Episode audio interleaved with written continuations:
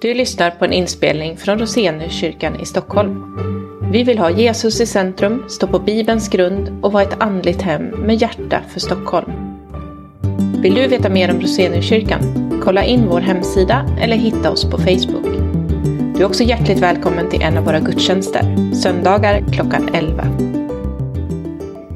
Bakgrunden till att eh, jag tar upp det här och dessutom gör det flera gånger är en process som vi inledde 2019 när vi inför ett nytt decennium så började vi fundera på okej okay, det kunde vara ett bra tillfälle att som styrelse och sen liksom ute i föreningen på, på ett större sätt fundera på var är vi i Rosengårdskyrkan?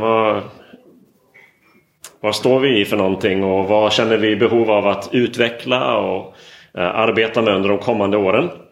Och vi kom fram till hösten 2019. Vi hade en hel dag med styrelsen och vi liksom eh, plockade upp och, och har pratat om det här flera gånger. Eh, sen dess kom fram till att det finns fem områden i Roseniuskyrkan som vi särskilt ville prioritera 2020 till 2025. Nu har halva den tiden gått och den har blivit ganska distraherad av pandemin. Men det är särskilt viktigt att plocka upp igen då och börja fundera kring vad, vad har vi gjort på de olika områdena? Vad är vad innebär det att göra det här till ett nyckelområde? Vad är det egentligen vi är ute efter? Och så. Men de fem områdena som vi kom fram till var barn och ungdomar. Och det är ju på många sätt det område där vi tydligast kan, kan liksom säga Titta vad vi har gjort. Vi har anställt Sofia eh, för att verkligen eh, leda och utveckla vår verksamhet för barn och unga. Sen eh, var det social sammanhållning någonting vi vill arbeta med. Vi vill arbeta med intellektuell formering. Det är den knöligaste rubriken så jag kan förklara den. Det handlar helt enkelt om att hur jobbar vi med att, att forma kristna övertygelser? Och att ge en stadig tro, en, en, ge människor hjälp att tänka igenom sin tro eller att stå fast i tron i en tid och en kultur som utmanar den på många sätt. Utåtriktat arbete eh, och sen andligt ledarskap. Det var de fem områdena. Och så när vi skulle plocka upp tråden lite grann eh, med, eh, liksom i styrelsen, hur vi jobbar med utveckling av olika saker här i början av 2022 så stod vi inför valet mellan att säga okej, okay, vi vill prata särskilt om något av de här områdena eller någonting mer övergripande. Och vi insåg att det här med att vi är så utspridda över Stockholm det, går, det är ett område, eller det är någonting som påverkar alla de här fem områdena.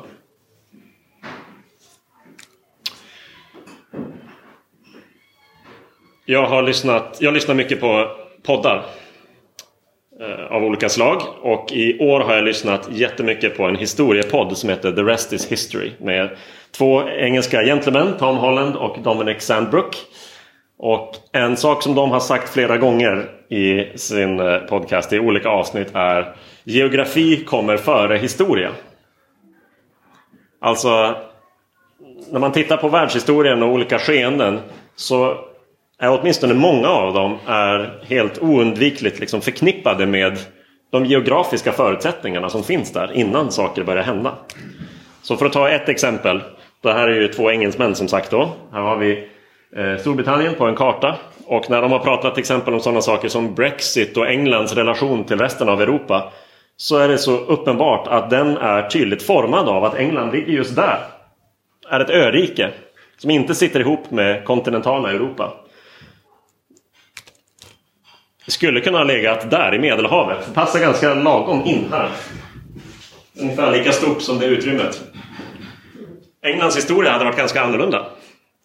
Om det hade legat där. Fransmännen hade inte varit de ständiga ärkerivalerna som man jämför sig med och har någon slags hatkärlek till. Eh, man hade varit en del av Balkan och Italien, Sydeuropa. Våra stereotyper kring sydeuropeiskt kontra brittiskt temperament hade kanske varit helt annorlunda. Och så vidare. För att geografi påverkar historia. Och så är det såklart även i Roseniuskyrkan. Hur vi eh, utformar, vad vi gör, hur, liksom vilken karaktär vi får som kyrka påverkas såklart av geografin och var någonstans vi bor. Den här kartan är plockad ur eh, vårt eh, framväxande medlemssystem. Men det gjordes när det fortfarande fanns en liten geografibugg. Så alla medlemmar är inte prickade inom, eh, på rätt adress. Skulle jag zooma ut den här kartan så skulle vi ha medlemmar i Turkiet och i eh, Indonesien och Sydamerika. Men det är åtgärdat nu. I alla fall så är det här en ganska rättvis bild av helheten på Scenkyrkan. Vi är 113 vuxna medlemmar. Och här har vi en radie på två mil från smala gränsen. Det är inte ett jättestort område egentligen. Men i Stockholm mäter vi inte i kilometer, vi mäter i tid. Och det är ett ganska stort område då plötsligt. Och det påverkas av var de stora vägarna går, hur SLs eh, olika linjer går, allt vatten som delar olika stadsdelar. Till exempel härom, härom kvällen då den 14 påpekade Per Henriksson hur nära det är från honom till de av oss som bor i Bromma och Hässelby. Fågelvägen. Det är bara det att eh, än så länge inte finns någon tunnel vi kan åka igenom. Den är fortfarande tio år bort ungefär. Eh, och, och, det gör att vi är långt ifrån varandra. Därför att det är vatten och öar eh, mellan. Så vi påverkas av geografin. Och det här gör ju att söndag klockan 11 så finns det en sån här rörelse. Då människor åker, eh, flera av oss, ungefär två mil in till Smalagränd 5 och bara två timmar senare så är rörelsen den här, den motsatta. Det är ju inte unikt för Roseniuskyrkan. Den här dynamiken finns överallt. Men vi behöver fundera. Det här väcker en del frågor. När i vår vecka och var är vi kyrkan? När och var är Gud verksam i och genom våra liv? Vad har de där två timmarna då vi är samlade att göra med de 166 timmar under veckan som vi är utspridda? Hur bygger vi en gemenskap som inte är begränsad till 1,2 procent av veckans timmar? För det inser de flesta av oss att det är lite lite.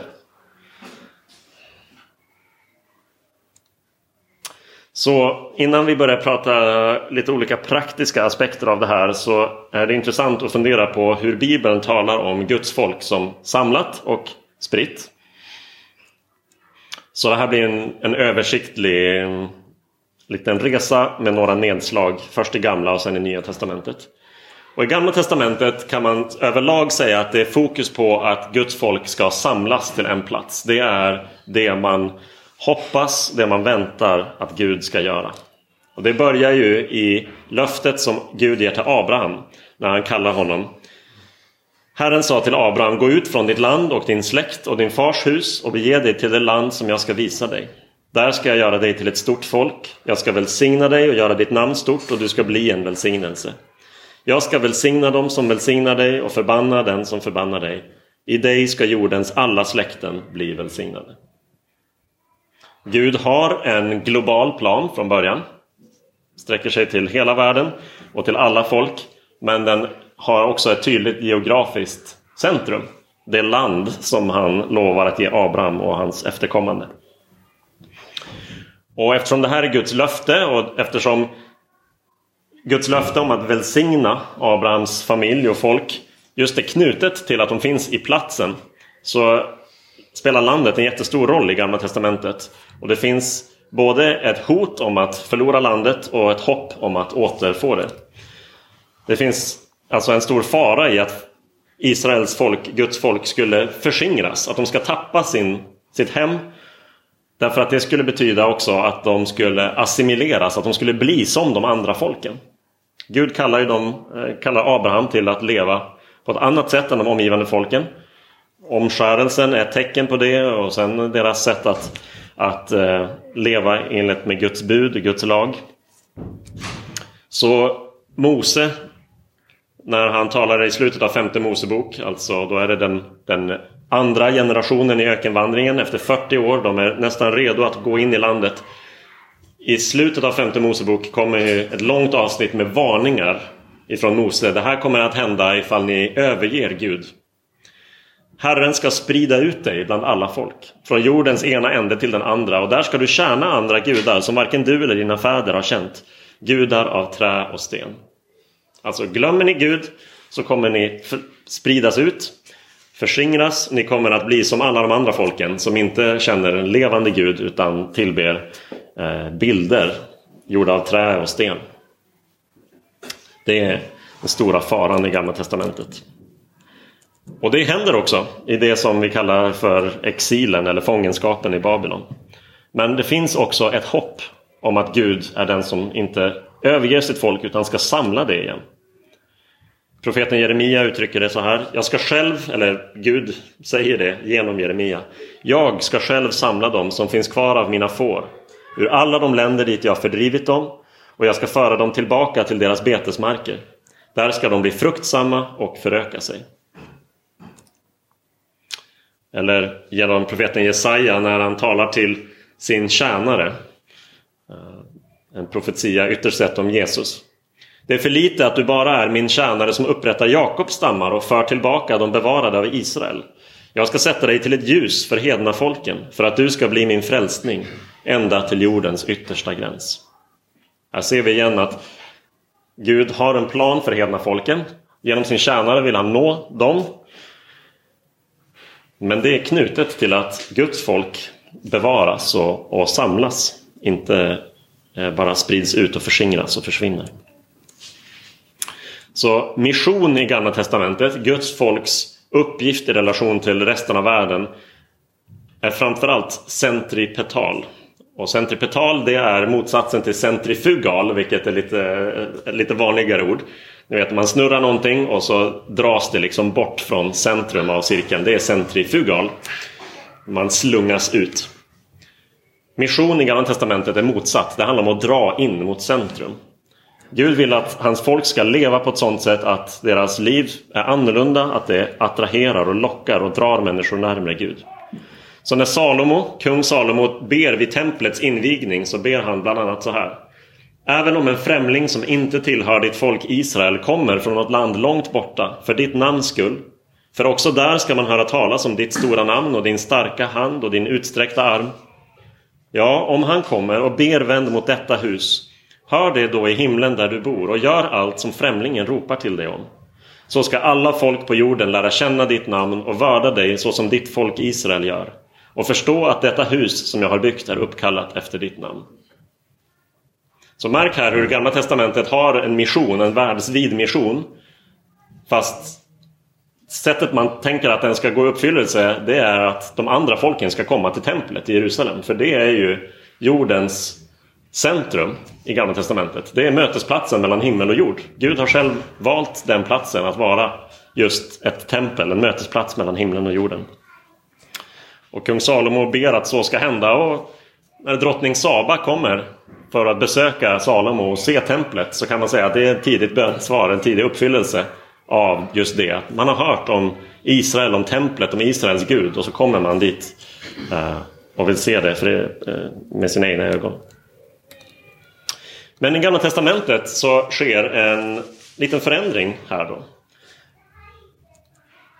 Därför att löftet som ges till Guds folk nu är inte att de ska samlas till en plats utan tvärtom att de ska gå ut till alla folk till jordens ända och att Gud, Jesus själv, ska följa med och vara med när hans folk går ut. Gå därför ut och gör alla folk till lärjungar. Döp dem i Faderns och Sonens och den heliga Andes namn och lär dem att hålla allt som jag befallt er. Och se, jag är med er alla dagar till tidens slut. Det är ett mer positivt perspektiv på vad som händer när Guds folk går ut till nya platser. Och det är knutet till, till Jesu löfte och till den heliga Andes närvaro i våra liv. Jesus säger precis innan eh, sin himmelsfärd. När den heliga Ande kommer över er ska ni få kraft och bli mina vittnen i Jerusalem, i hela Judeen och Samarien och ända till jordens yttersta gräns. Så Gud vill sprida sitt folk. Och genom att ge sitt folk den heliga Ande eh, så, eh, kan de, så förlorar de inte närheten till Gud när de går ut. Det är ju en av de stora skillnaderna mellan Gamla och Nya Testamentet. Att I Nya Testamentet så är inte Jerusalem ett geografiskt centrum på alls samma sätt. I Gamla Testamentet i Saltaren så finns det psalmer skrivna av David under den tid då han eh, var jagad av Saul. Och var tvungen att fly runt till nya platser och sådär. Där han skriver om sin förtärande längtan att få gå till Herrens hus. Han längtar efter Gud men han kan inte möta Gud för han kan inte gå till, eh, till eh, vad ska vi kalla det? Det är inte templet än. Det är typ tabernaklet fast det har fått en lite mer permanent plats i Israel. Han kan inte gå dit för Saul jagar honom. Och det betyder att han kan be till Gud men han upplever en distans mellan sig och Gud. I Nya Testamentet så skrivs det om och om igen i, i breven. Ni, Guds församling, är Guds tempel. Ni är aldrig långt från Gud någonstans för ni är templet. Inte främst individuellt utan tillsammans. Där ni samlas till gudstjänst. Där ni bor. Där är ni Guds tempel. Det finns inget geografiskt centrum som ni måste resa till för att komma nära Gud. Utan vart ni än sprids ut är ni nära Gud. Och tack vare det här så, så är det inte enbart åtminstone och inte främst ett hot att vi Guds folk lever nära andra människor. Utan det förstås som en möjlighet. Att vi ska ha liv som överlappar eller som är i nära kontakt med varandra. Utan att vi blir likadana som alla andra. Jesus ber själv, jag ber inte att du ska ta dem ut ur världen. Utan att du ska bevara dem för det onda. Vi ska vara kvar där vi är och samtidigt behålla vår särart som Guds folk.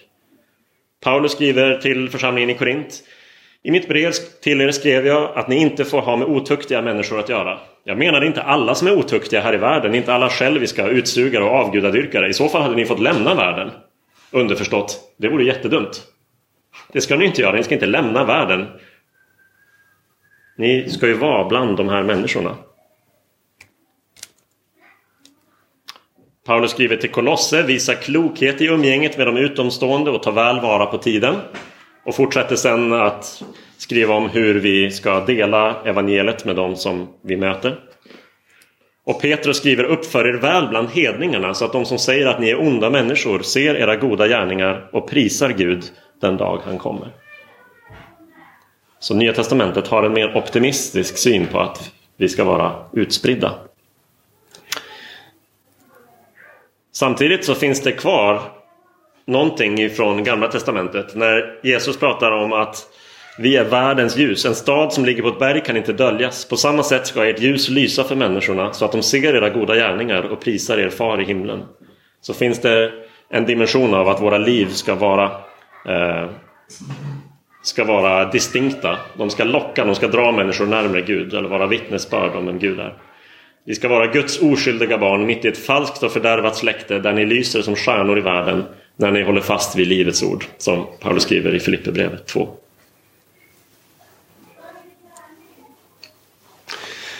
I både Gamla Testamentet och Nya Testamentet så finns det uppman, uppmuntrande exempel på att även när Guds folk sprids ut på sätt som de helst hade velat slippa så använder Gud det för sina syften. Det här eh, stället refererade Kristoffer till i förmiddags. Gamla Testamentet Israels folk är i, fånga, i fångenskap i Babylon.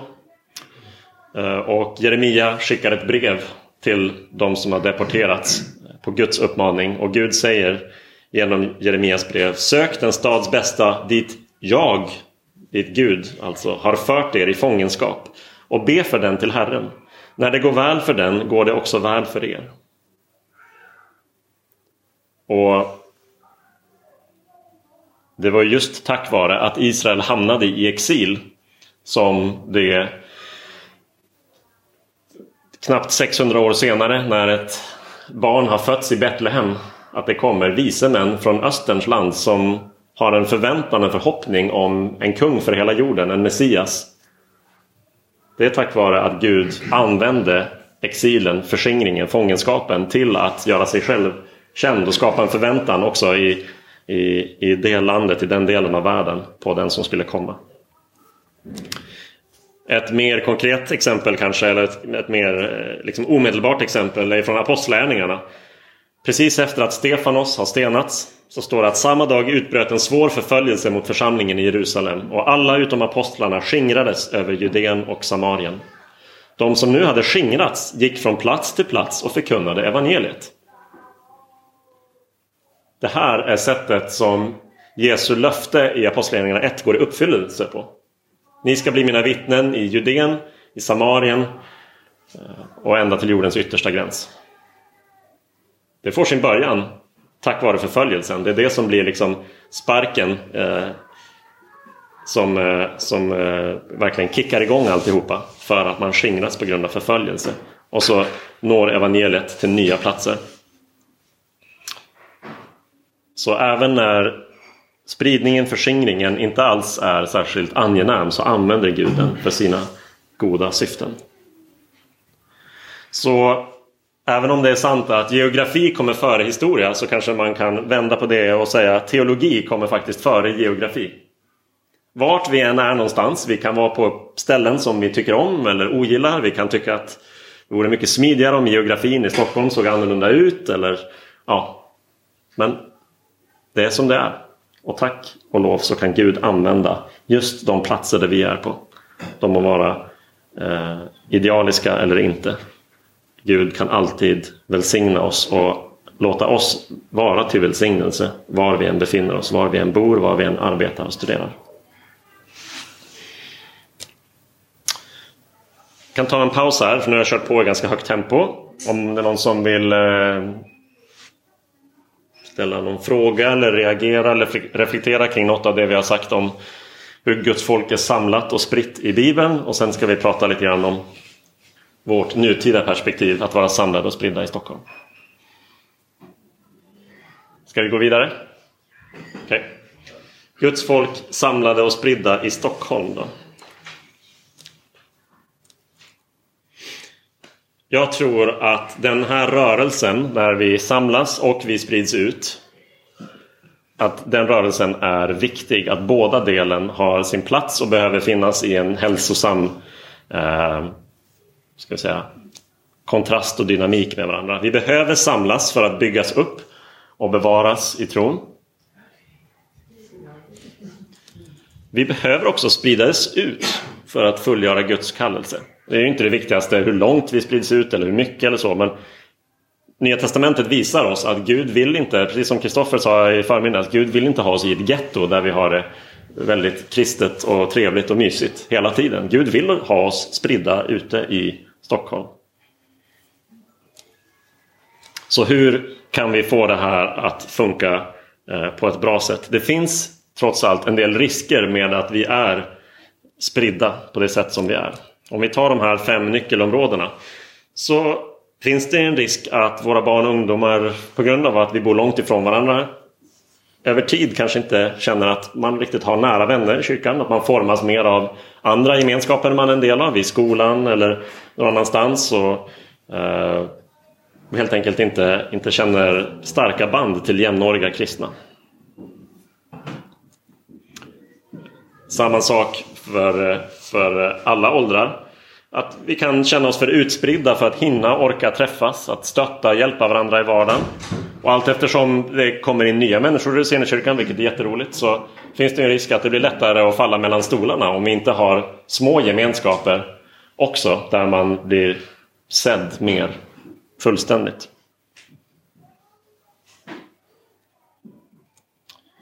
När det kommer till att forma kristna övertygelser, den här intellektuella formeringen, så finns det en risk att det är så långt till kyrkan att man inte hinner eller orkar komma på gudstjänst och andra samlingar. Och det märks ganska tydligt just på församlingskvällar och sånt som inte händer söndag förmiddag. Att det, det är svårt för många att avsätta den tiden. Vilket i sin tur kan leda då till att eh, vår uppmärksamhet, våra tankar och övertygelser riktas mot och formas av, av andra influenser väldigt mycket.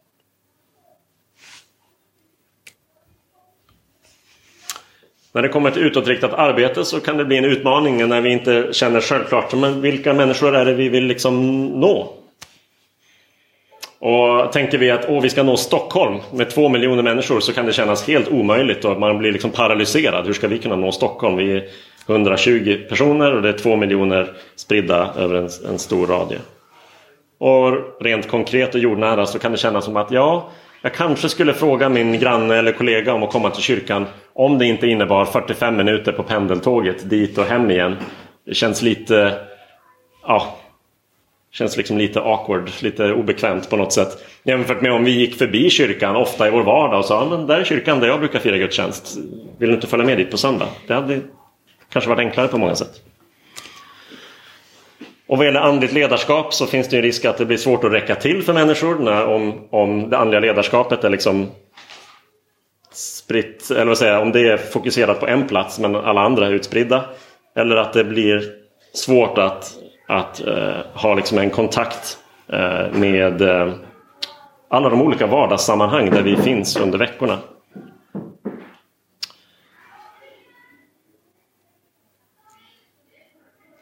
En övergripande risk är att våra liv blir kompartmentaliserade. Det är kanske ett svenskt ord, det är definitivt ett engelskt ord. Att det blir uppdelat i separata fack som inte har med varandra att göra. Kyrkan blir just en söndagskyrka. Jag pendlar in dit, jag pendlar hem. Och hela liksom upplevelsen geografiskt, socialt och på andra aspekter blir av att det där är en separat sfär i mitt liv. Jag umgås med människor på söndagarna som jag aldrig träffar annars. Och vice versa, de jag träffar resten av veckan träffar jag inte på söndagar. De här två grupperna blandas inte och man finner sig i den här ständiga dragkampen om tiden. Eh, vart, eh, ja, hur mycket ska vi göra? Hur ska vi få folk att komma till kyrkan? Eller hur ska jag orka åka dit? Och hur ska vi hinna det med allt annat vi ska göra?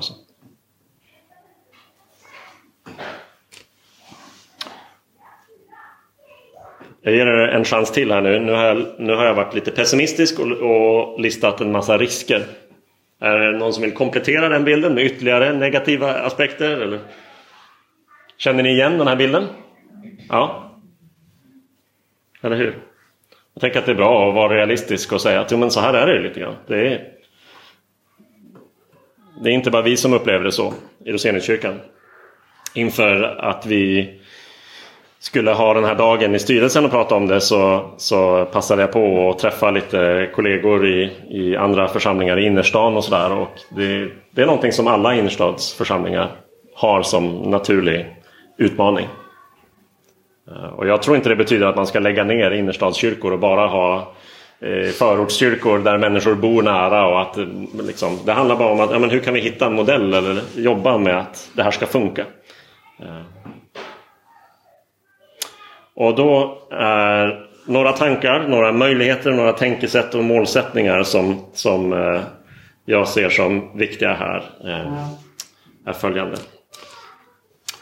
Nu har jag lånat en bild och anpassat från en bok som heter just Scattered and Gathered, alltså spridda och samlade. Han har med omvänd ordning av Neil Hudson i Storbritannien. Här är 100 personer varav fem stycken, 5 procent. Det en, stämmer ganska bra med eh, svenska förutsättningar. Fem stycken är praktiserande kristna. Han hade sju stycken men han bor i Storbritannien så jag var lite mer pessimistisk. Just nu i, den här, i det här upplägget så har de kontakt med fyra stycken icke-kristna. Här är också fem stycken praktiserande kristna. De har kontakt med 40 stycken icke-kristna. Det här är bara ett grafiskt schema och ingen, ingen av de här verkligheterna går att liksom, ingen, ingen av de här bilderna motsvarar en konkret verklighet. Men jag tror att det ändå kan vara till hjälp för oss att illustrera hur positivt det faktiskt är att vi under veckan har grannar som inte är kristna, har kollegor som inte är det. Att vi kanske finns med i en idrottsförening eller en bostadsrättsförening eller delar tvättstugan med eller på olika sätt har människor runt omkring oss som inte är kristna. Och jag har åtminstone svårt att se att Roseniuskyrkan skulle löpa en överhängande risk för gettofiering med tanke på hur utspridda vi är. Eh, det har sina nackdelar men vi har faktiskt också kontakt med många människor just för att vi är utspridda. Men för att det här ska fungera så tänker jag mig att vi behöver odla och liksom vissa tänkesätt kring det här. Vi behöver tänka på Roseniuskyrkan som just kyrka både när vi är samlade till gudstjänst, till församlingskväll, till UG, till hemgrupp också. För även om hemgrupp inte är alla människor och de är utspridda så är ju det en, en faktiskt schemalagd eh, sak som vi gör. Men att vi faktiskt också är Roseniuskyrkan när vi inte är samlade under organiserade former. Vi tillhör Guds folk och vi är där Gud vill ha oss. Och då är vi en del av hans kyrka. Just i de här områdena som jag har nämnt flera gånger. I grannskap, i arbete, i skola, träningar, föreningsliv. Vi är alltid Guds folk i Guds värld på Guds uppdrag. Och det väcker frågan då, hur kan vi använda tiden då vi är samlade till att bli rustade för tiden då vi är spridda?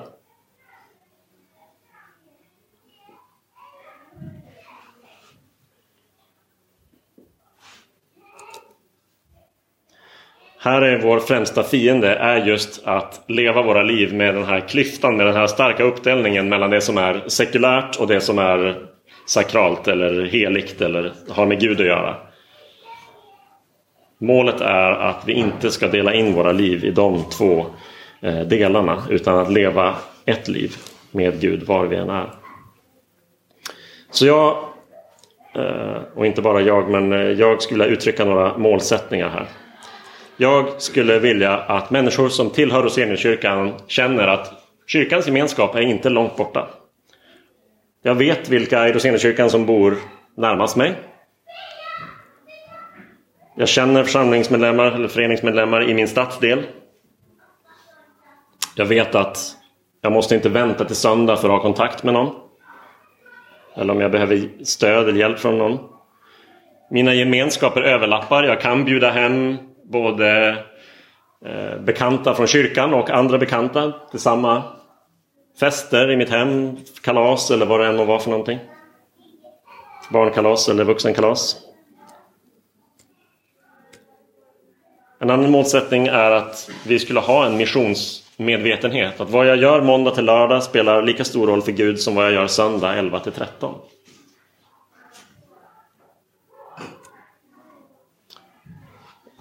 Jag skulle önska att vi vet med oss att Gud har gett mig vad jag behöver för att leva i hans kallelse. Jag har Guds ande som bor i mig och som är med mig särskilt när jag Eh, pressas eller kanske utmanas som mest eh, vad gäller min tro. Och jag har bröder och systrar som gärna ber för mig och som frågar mig hur det går. Och att någon frågar mig om min tro. Tänk om det skulle kännas som åh, det här är det bästa som kan hända, vad roligt! Idag fick jag en riktigt bra fråga. Kanske en svår fråga. Eller eh, någon tog upp att jag är kristen. Eller att mitt liv verkar annorlunda på något sätt. Och det kändes bra. Även om det var väldigt spännande också. Så har jag funderat på det här med energiflöde. Jag tänker att det på något sätt är en målsättning att kyrkan skulle ge mer energi än den tar.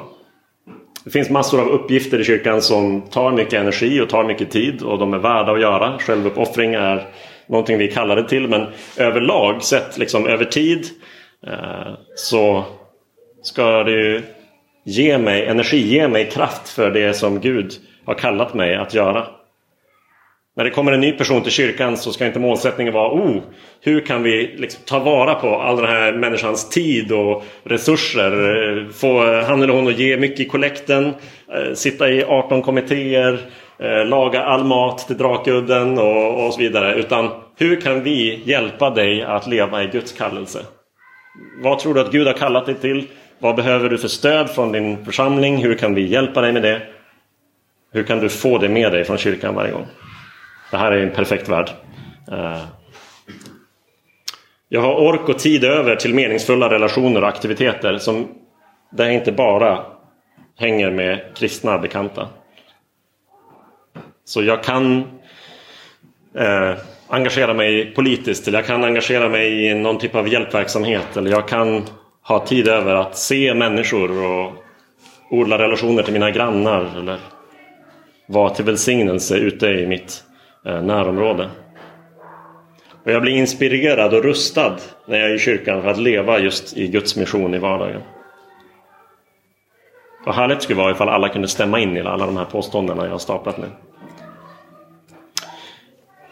Ett av sätten som jag tror att vi kan närma oss det här det är att i möjligaste mån och särskilt när vi startar nya hemgrupper att mer och mer tänka att ja, men geografin är någonting att eh, inte vara liksom eh, göra revolt mot utan att faktiskt fundera på hur kan vi för, förvalta den? Hur kan vi skapa gemenskaper som är nära också geografiskt?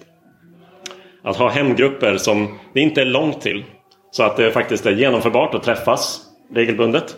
Att man kan ha stöd av varandra utanför de organiserade hemgruppsträffarna, låna en bil eller eh, få hjälp med barnpassning eller att måla en vägg eller vad det nu må vara.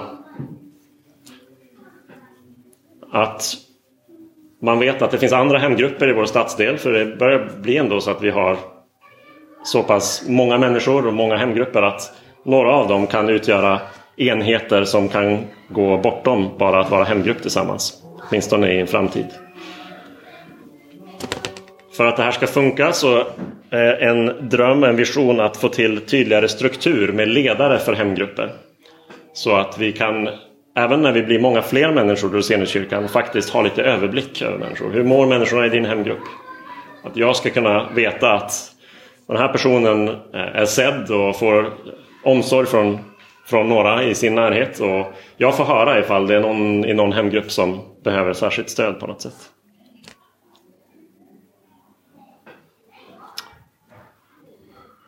Några praktiska verktyg som man också kan fundera på hur vi kan ha dem i vår arsenal. Det är det vi har tagit med oss från pandemin av digitala möten. Vilka typer av träffar och gemenskaper kan faktiskt vara hjälpta av att vi inte måste träffas fysiskt? Vilka typer av möten kan vara, Eh, kan vara digitala? Hur kan vi kombinera digitalt och fysiskt på ett bra sätt så att vi eh, ja, kanske inte alltid måste lägga tiden och kraften det tar att resa till varandra. Och hur kan vi använda digitala media till uppbyggelse? Ett sådant konkret försök var ju att starta Roseniuskyrkans podd så att om man inte kan komma in en onsdag kväll och det har varit ett föredrag som man skulle vilja höra, ja, men då vet man att då ett par dagar senare kan jag ladda ner det och lyssna på det och så känner jag att jag har, jag har inte missat det här helt och hållet.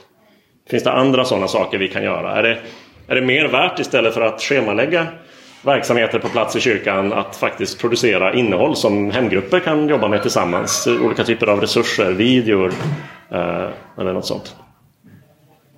Sånt vore i så fall otroligt bra att veta. Om det är någonting som efterfrågas och skulle vara till större hjälp. Och sen ett annat verktyg som är på gång och som jag eh, ivrigt längtar efter att sjösätta är vårt medlemssystem. Det som hade tagit fram den här kartan och som nu har lärt sig att de flesta av våra medlemmar bor i Stockholmsområdet. Eh, det är under utveckling, under översättning och, och sådär. Eh, för att vi ska kunna se vilka är med i hemgrupper, vilka har varit med i Roseniuskyrkan länge och inte min hemgrupp eller har ingen uppgift att göra, kanske skulle vilja ha en. Eh, och att kunna planera och ha mer effektiv kommunikation med varandra. Det var hela min presentation. Nu skulle jag gärna se någon typ av feedback. Eh, men om ni behöver det så ger jag er fem minuter. Eh, eller kanske några fler, vi ser hur det går. Där ni kan vända er mot varandra. Och så kan ni prata om, okej, okay, vad var eh, tankeväckande? Vad skulle jag vilja fråga om? Eller vad håller jag inte alls med om?